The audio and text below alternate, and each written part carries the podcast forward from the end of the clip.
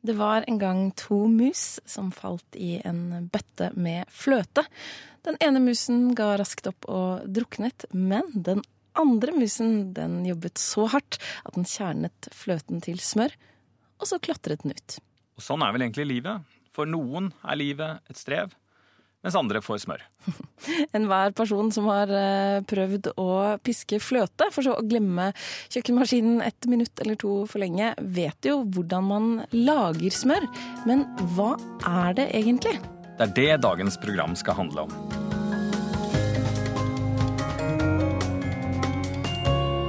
Den italienske futuristen Filippo Tomassi Marinetti drømte om at en gang i fremtiden ville man kunne formidle mat gjennom radio. At man rett og slett spiste det man hørte. Helt slik er det ikke blitt, men nesten. Og med dette programmet som vi har valgt å kalle nettopp Radiomat, skal vi prøve å gi deg spiselig kunnskap. I Radiomat skal vi snakke om matens kulturhistorie, om råvarer, om matens betydning opp gjennom historien og i vår tid. Og vi skal snakke om smak. For hva er vel egentlig bedre når vår sult på god mat og vår nysgjerrighet på kunnskap smelter sammen? Ovenfor meg sitter kokebokforfatter, matentusiast og småbonde Andreas Vistad. Han er også den eneste jeg kjenner som faktisk har en smørkinne på kjøkkenet sitt. Og sammen med meg i studio er Pia Skjevik, matblogger, radiomenneske og en som faktisk blir glad når hun åpner kjøleskapet og oppdager at det ikke er mer ost eller skinke igjen, fordi da kan hun bruke enda mer smør på brødskiva.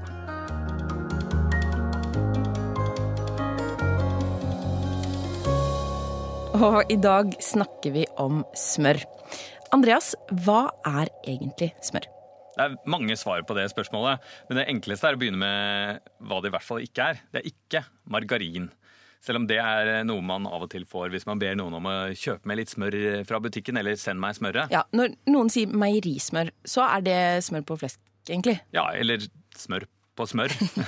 For å begynne med det helt grunnleggende. Smør er et meieriprodukt. Det er melkefett, omtrent 80-85% fett. Og så resten vann og rester av melkestoff. Men så blir det litt komplisert. Ja, for smør er noe mer enn det. Det er alkemi. Det er en slags gyllen mirakel. En umulighet. Eller for å være litt mer konkret, det er en emulsjon. En emulsjon? Ja, det er en nær slektning av kjente og kjære klassikere som majones, hollandes og bearnés, som også er ulike måter å få vann og fett til å holde sammen uten å skille seg. Men mens vi regner disse sausene som sånne eksempler på menneskelig skaperkraft og, og avansert kokkekunst, så er smør noe vi nærmest tar for gitt. Jeg vet ikke om du har lekt med sånne, sånne eh, små tretog, sånn briotog. Ja. Så hvis du setter dem sammen feil vei, så vil ikke magnetene være sammen, og du kan liksom nærmest skyve, skyve det ene vognen foran seg. Det kan være veldig frustrerende. Litt sånn er det med vann og fett. Du ser det også hvis du prøver å lage dressing, og så blander du vann og olje eller eddik, eddik og olje. Så kan du blande det sammen, men lar du det stå på kjøkkenbenken i eh, et minutt, så skiller de seg. De vil ikke være sammen. Men når man lager en emulsjon, så tvinger man på en måte ingredienser som ikke vil være sammen, til å knytte nære bånd og bli ett. Og du kunne si at eh, sånn er det jo også med smør. Det er 80% fett og 20% væske. Hvorfor skiller det seg ikke? Naturen, ass. Det er noen rare greier. Men forskjellen på smør og majones er at smør bare er laget av én eneste ingrediens melk. og hva er melk, da? Ah, du tenker at det er et slags tullespørsmål? Ja. Jo, det er det som kommer fra kua eller fra alle pattedyr. Men det er faktisk et mye vanskeligere spørsmål enn det. Og svaret er at melk også er en emulsjon.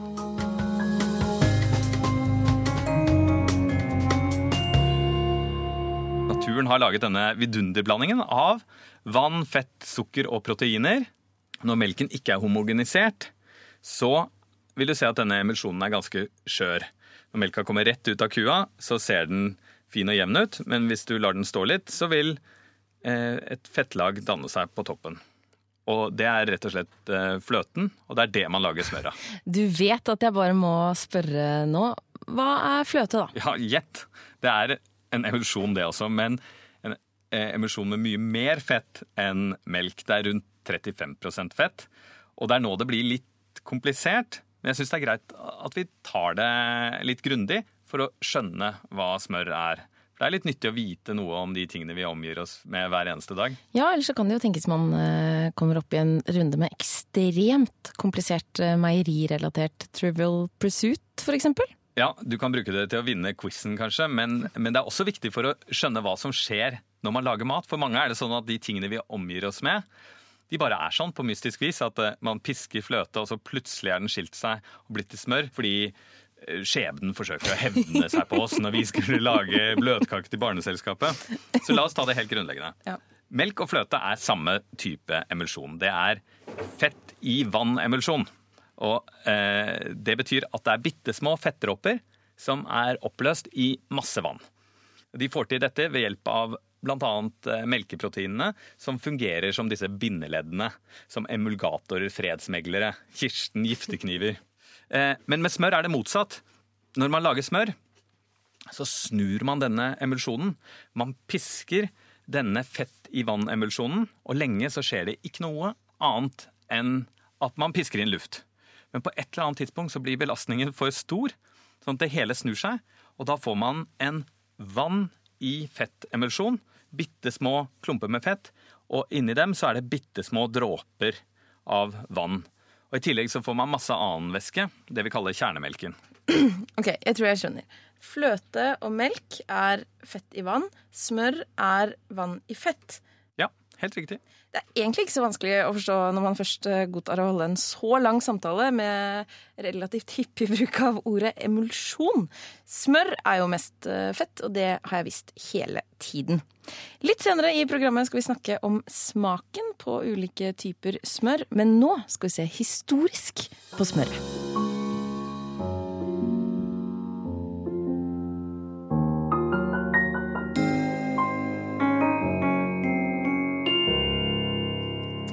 La oss begynne med det helt grunnleggende. Hvem fant opp eh, smøret, og hvor gammelt er det? Ja, Med smøret så er det jo ikke sånn som det er med majones og hollandaise, at du kan si at det ble funnet opp av én kokk eh, i Frankrike på et eh, spesielt eh, tidspunkt, og oppkalt etter en by eller en konge eller lignende. Smør har nok blitt funnet opp av, av alle de som har hatt husdyr. Man har eh, arkeologiske funn som går i hvert fall 5000 år tilbake i tid, som viser smørkinner, og man har skriftlige kilder 3000-4000 år tilbake i tid. Det vi også vet, er jo at romerne, som eh, på en måte er grunnleggere av mye av den vestlige sivilisasjonen, de var ikke så veldig opptatt av smør. Men de beskrev at smør ble spist særlig av eh, folk lenger nord, som de hadde underlagt seg. Men hvorfor eh, var det ikke de så opptatt av smør, da?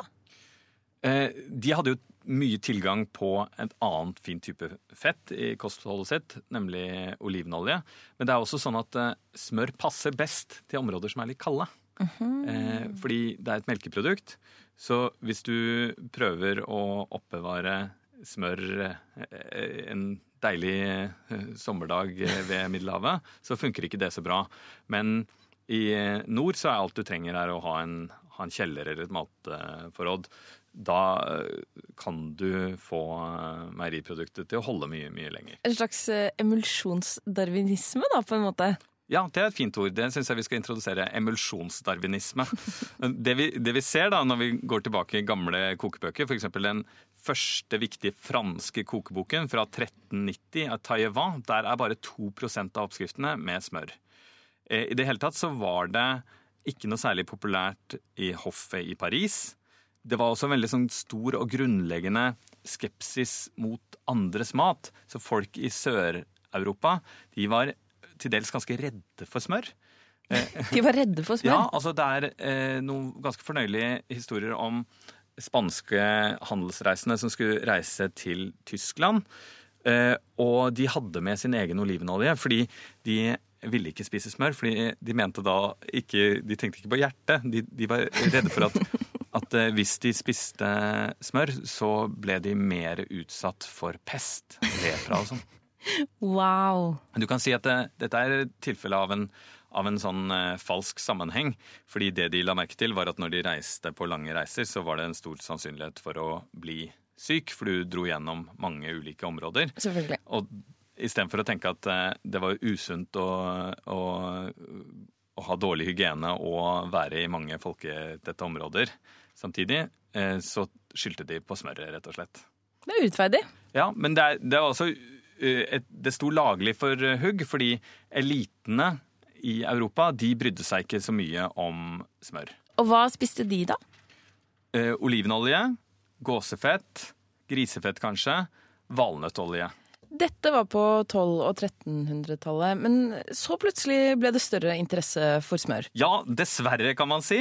Særlig for dem som spiste mye smør. Sånne som oss i Norge og de andre landene i nord.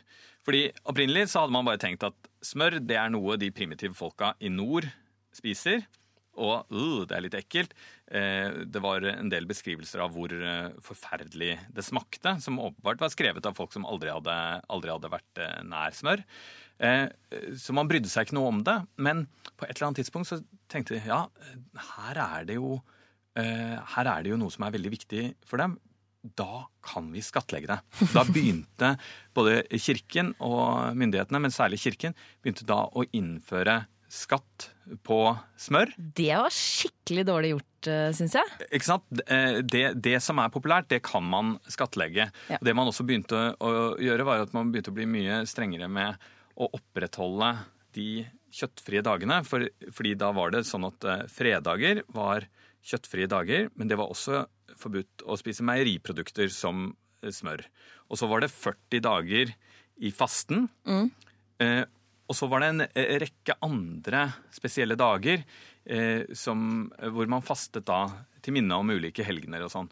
Så til sammen så var nesten halvparten av årets dager eh, dager hvor man ikke fikk lov til å spise smør. Og dette var jo et kjempeproblem. Ja, det, jeg sitter og prøver å tenke meg hvordan en uke uten smør eh, ville vært. Men særlig, ikke sant Vi kan jo da si ja, men da tar vi olivenolje osv. Men hvis du bodde i Norge eller Tyskland på 1400-tallet, Ja. så var det vanskelig og dyrt. Så da gjorde den katolske kirken også sånn at du kunne kjøpe deg dispensasjon. Men da var det dyrt, og alternativet da var eh, rett og slett å importere olivenolje, og det var jo da kjempedyrt og kanskje ikke den beste oljen. Så nå begynte smørtilhengerne å organisere seg. Ja, På begynnelsen av 1500-tallet så ble det en ordentlig bevegelse, og i 1520 så skrev datidens mest kjente smørforkjemper et opprop. Skal jeg lese litt fra det? Ja, gjør det. I Roma gjør de en farse ut av fasten. Samtidig tvinger de oss til å spise en olje de ikke selv hadde brukt til å olje sine tøfler. Og de selger oss retten til å bryte loven ved å spise forbudt mat på fastedagene. Og litt senere så skriver han hånende om eh, kirkelederne i Roma. De ser på det å spise smør som en større synd enn å lyve, drive med blasfemi eller å bedrive urene handlinger. Det er sterke ord fra en som virkelig elsker eh, smør. Men du må fortelle oss, hvem er denne smørets ridder? Ja, det er helt eh, avgjørende, faktisk. Det var en munk fra Eisleben i det som den gang het Det tysk-romerske riket, og han het Martin Luther. Altså den Martin Luther, altså protestantismens far og teologen med tesene Martin Luther? Nettopp. Og eh, han er jo kjent som en teolog, eh, mer enn en som en matskribent. Men du kan si at eh, de tingene var nøye forbundet. Som denne teksten viser, så var det han så som på en måte eh, råttenskapen i den katolske kirken på den tiden, det var nøye sammenheng mellom det og hvordan det påvirket menneskers liv hver eneste dag. Og jeg har tatt med to kart her. Ja. Et kart som her viser Europa. Eh, eh, hvilke land som er eh, hovedsakelig protestantiske, og hvilke som hovedsakelig er katolske. Og så her er et annet eh, kart som da viser hvilke land hvor man hovedsakelig bruker smør, og hvilke hvor man hovedsakelig bruker olje. Wow! Og du ser jo da at, at eh, de landene i nord eh, der man hovedsakelig bruker, eh, bruker smør, det er de landene som først hoppet på og ble, ble protestantiske. Fordi og Det er sikkert mange andre grunner til det også, men noe av det er jo at det var lett å forestille seg at man fikk en type folkelig støtte for dette. Kongene ønsket jo å få større makt og frigjøre seg fra kirken, men de trengte også en type folkelig støtte. Og det er veldig lett å si hvis, hvis jeg får lov til å overta kirkens eiendom osv., så, videre, så trenger ikke du lenger å bry deg om, eh, om det med smør. Du kan spise smør hver eneste dag. Sier du det jeg egentlig tror du sier nå? Ja, jeg sier at eh, om, det, det, var ikke nødvendigvis den eneste eller den viktigste, men det var én veldig viktig grunn til at man fikk reformasjonen i Europa på 1500-tallet.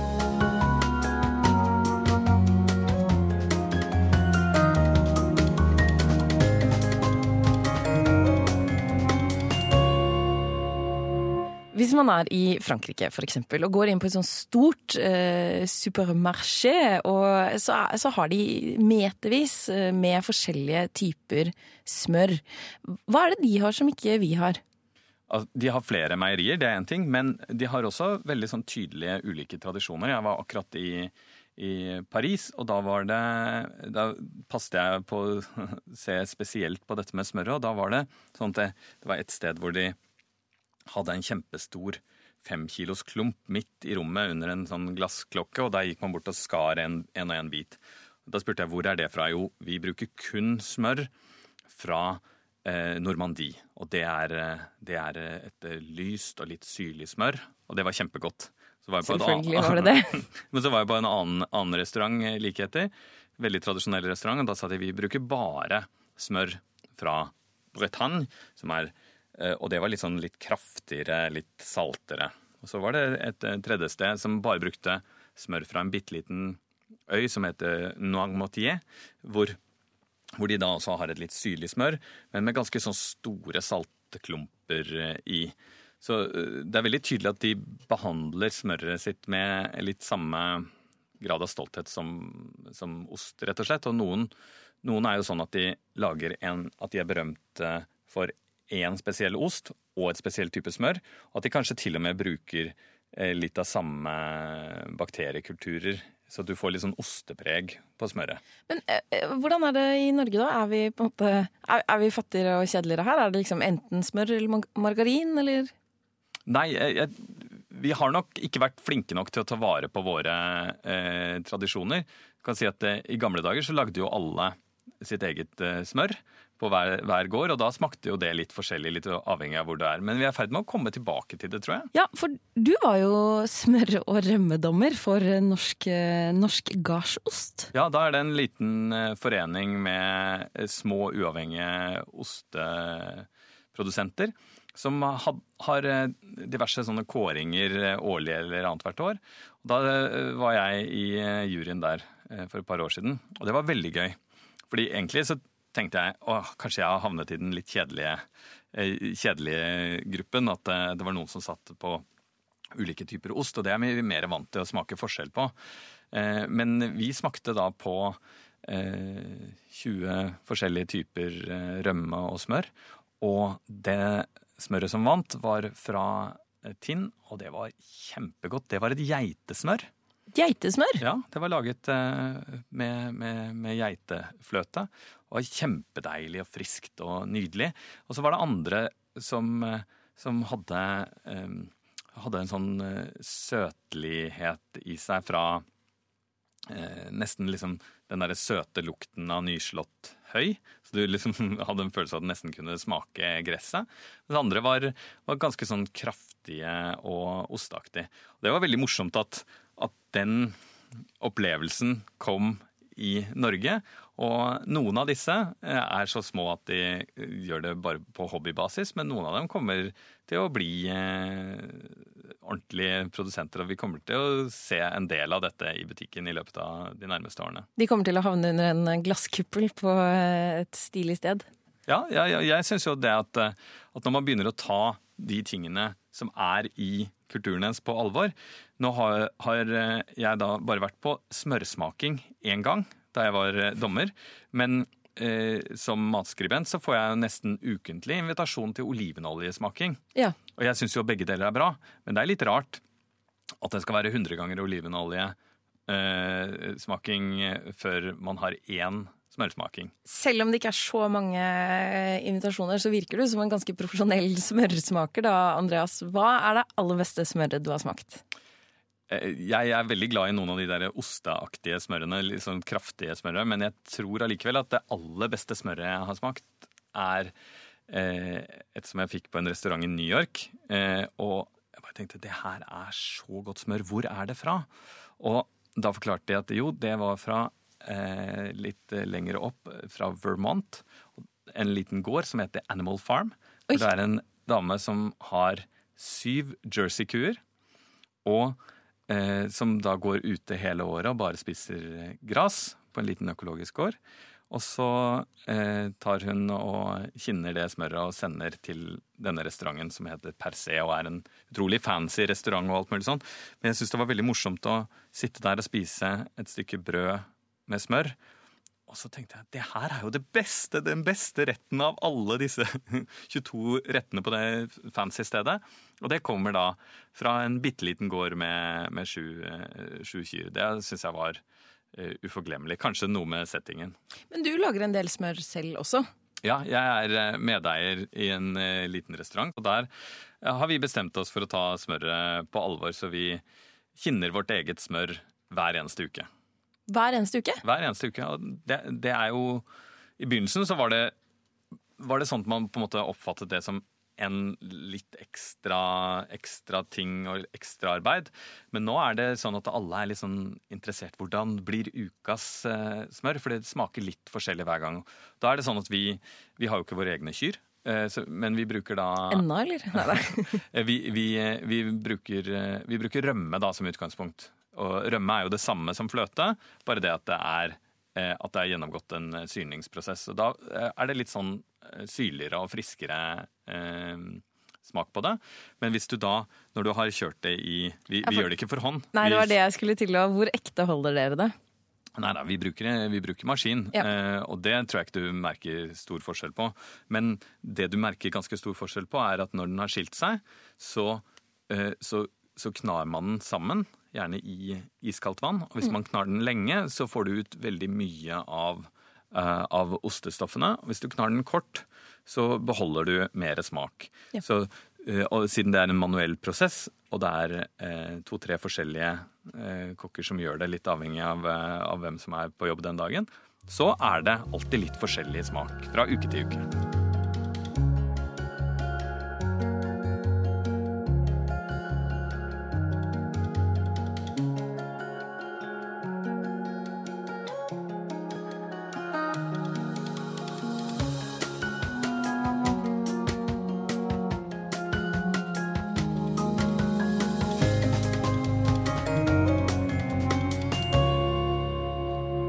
Selve oppskriften på å lage smør er veldig enkel.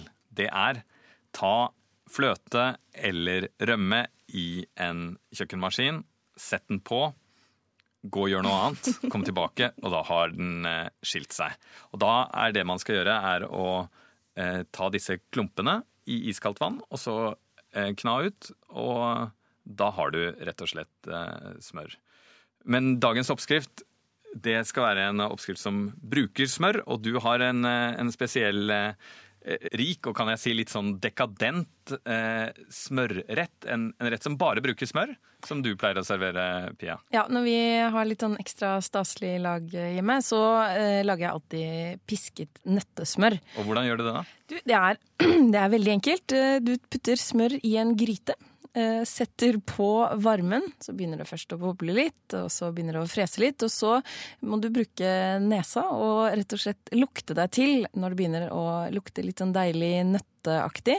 Da tar du den av varmen før den blir brent. For det, for det, det som da skjer, det er at eh, melkesukker og melkeproteiner, som vi har snakka om tidligere, de blir da brunet. De, de, går gjennom en slags karamelliseringsprosess og også en annen prosess som heter Maillard-reaksjonen, som gir den der utrolig rike stekesmaken. Snakker til hjernen vår, rett og slett. Mm. Mm. Så tar jeg gryten og setter i en bolle med isvann.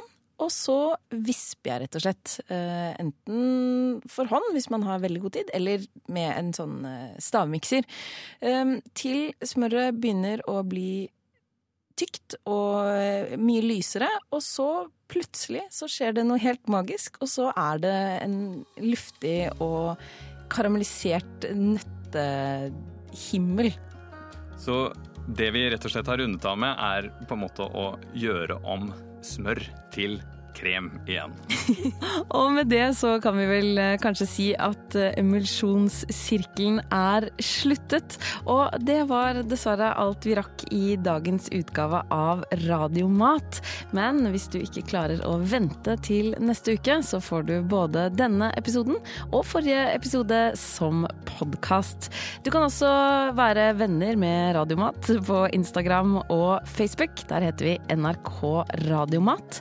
Og selv Selvfølgelig kan du sende oss en e-post. Du kan spørre om hva som helst. Radiomat at nrk.no. Jeg heter Pia Skjevik. Og jeg heter Andreas Wiestad.